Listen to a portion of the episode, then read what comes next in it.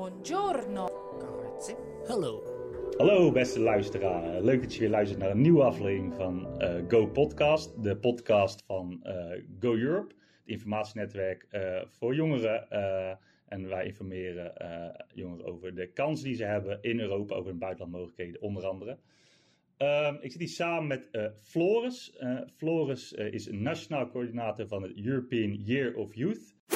Floris, kan jij mij vertellen, wat is het European Year of Youth? Ja, uh, hi, ik, ik ga mijn best doen. Ik, ik, weet dat ik maar een paar minuten heb, maar let's go. Um, European Year of Youth is eind vorig jaar in het leven geroepen door de Europese Commissie. met als doel extra aandacht voor jongeren. in de pandemie ja, zijn jongeren eigenlijk onevenredig hard geraakt. En daar is eigenlijk iedereen zich wel bewust van. Dus om die reden heeft Europa gezegd, laten we extra aandacht daaraan besteden, aan jongeren en met name aan de stem van jongeren. En dat vertaalt zich in een aantal dingen. Eén, de stem van jongeren komt meer terug in beleid van Europa, bijvoorbeeld door middel van inspraakmomenten of uh, aparte hoofdstukken. Uh, twee, um, elk land heeft een coördinator, nationaal coördinator met een chique term, um, die eigenlijk in dat land zelf activiteiten initieert, dus organiseert, maar ook een soort aanjaagfunctie heeft richting andere partijen om jongeren meer bij te betrekken. En drie, uh, nou, er zijn een aantal subsidielijnen, er zijn de budgetten van verhoogd. Specifiek jongerenparticipatie en solidariteitsprojecten. En waarom is het uh, belangrijk dat uh, jongeren meedoen aan het European Year of Youth? Ik weet niet per se of het belangrijk is dat je meedoet aan dit jaar. Ik denk wel dat het belangrijk is dat gewoon de stem van jongeren meer wordt meegenomen.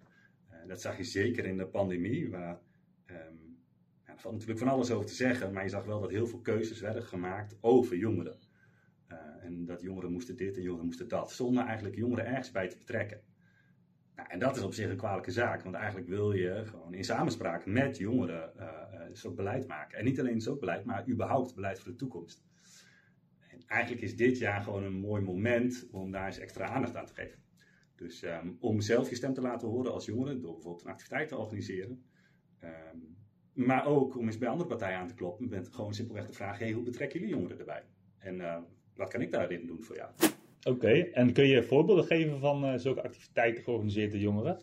Een voorbeeld is in Eindhoven, waar ze een programma hebben eh, opgezet, waarin de burgemeester uh, drie jongerenmentoren krijgt. Dus dat, jongeren, okay. dat de jongere de mentor is van de burgemeester.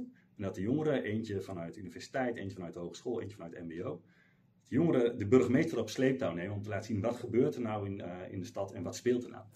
Oké, die wordt op sleeptouw genomen doet hij dan ook wat met al die bevindingen van de jongeren? Ja, ja, ja dat is altijd de vraag uh, achteraf natuurlijk. Maar daar hebben ze wel um, goed over nagedacht. Hij heeft toegezegd van wel. Maar wat ze gedaan hebben is dus die burgemeester niet zozeer in gesprek eh, gaan met hem. Maar hem echt gewoon meenemen naar uh, uh, de straat. Ja. En wat zien we nou en wat gebeurt er nou. En daarna hadden ze een soort sessie georganiseerd. Maar hebben ze heel visueel gemaakt met allemaal puzzelstukjes. Van schrijf ja. op een puzzelstukje één, wat heb je hier gezien? wat neem je daaruit mee? En op het andere, wat neem je daaruit mee? Ja. Daar moest hij een soort toren van maken. En vervolgens dat ook um, ja, zeg maar op basis van, of op mate van uh, belangrijkheid neerzetten. Oké, waar gaat hij dan eerst mee aan de slag en waar daarna? Oké. Okay. Uh, en vervolgens een terugkommoment gepland van, oké, en wat heb je dan gedaan? Stel, je wil zo'n activiteit organiseren, hoe pak je dat aan? Ja, goede vraag. Nou, daar ligt heel erg aan wat voor activiteit het is. Um, of je daar zelf financiering voor nodig hebt, uh, of, dus of je er geld voor nodig hebt, of dat je gewoon iets kan beginnen. Het kan super laagdrempelig zijn. Hè? Kan zeggen, goh, ik ga wandeltochten organiseren waarin we jongeren met elkaar het gesprek aangaan over hoe laat jij je stem horen. Nou, dat hoeft niks te kosten. Hè? En dan ga je naar de site en dan meld je activiteit aan. Simpel as that. Je kan natuurlijk ook eens checken bij je gemeente, wat doen jullie? Nou, dat hoeft ook niet zoveel geld te kosten. Als je wel iets wil, heel veel gemeentes hebben een potje met geld voor jongeren. totaal onbekend, maar dat is er wel. Omdat heel veel gemeentes hebben er eigenlijk wel baat bij als jongeren hun stem laten horen, maar ze weten gewoon niet hoe ze jongeren moeten bereiken. Dus dat kan altijd, een mailtje sturen naar de gemeente. Je kan ook, als je denkt, hey, hier wil ik eens over meedenken, mij of uh, Nusret een mailtje sturen. En mijn mailadres is uh, f.muller.nji.nl uh, kun je een mailtje sturen, uh, geef ik je mijn telefoonnummer, kunnen we eens bellen of kunnen we appen. Uh, misschien kunnen we wat financieren. Um, we kunnen in ieder geval meedenken. Dus dat zijn een aantal mogelijkheden. Kunnen wij de luisteraar ook nog uitnodigen voor een event? zeker. Nou, ik zou eerst zeggen, check de site. Daar, uh, vindt van alles, daar staat alles omschreven wat, uh, wat plaatsvindt. Um, dus de site is nir.nl slash EYY. Oké. Uh, en daarop vind je bijvoorbeeld ook een link naar een kaart van Europa met alle activiteiten die plaatsvinden in Europa. En daar zijn activiteiten bij die al plaats hebben gevonden, maar ook activiteiten die nog plaats gaan vinden. Dus zelfs als je op vakantie bent in uh, Lloret de Mar, dan kun je even kijken wat er nog in Spanje plaatsvindt, bij wijze van. Heb jij nog uh, een uh, gouden tip voor de jongen die nu denkt van, ik wil, weet al, ik wil wel iets doen, maar ik weet nog niet wat? spar deze over met iemand anders. Er blijven gewoon superveel ideeën, goede ideeën blijven te vaak in hoofd te zitten. Dus het helpt om eens met iemand over te hebben. En wat dan helemaal helpt, om gewoon eens een eerste stap te zetten, wat vaak super scary is. Maar benader eens iemand en misschien iemand die je wat minder goed kent om te zeggen: hey, wat vind jij van dit idee? Zou dat kunnen? Of misschien zou je daarbij kunnen helpen. En meestal als je dan zoiets hebt gedaan, dan denk je: oh ja, shit, nu zit ik er vast, zeg maar. Maar dan komen ook vaak de mooiste dingen uit. Dus um, uh, ik, ik zie dat te vaak uh, blijven goede ideeën in je hoofd zitten. En vaak helpt het om gewoon een eerste beginnetje te maken. En als je het fijn vindt om daar met iemand over te sparren, uh, of met mij over te sparren, neem dus vooral contact op. Dat is echt uh, dikke prima.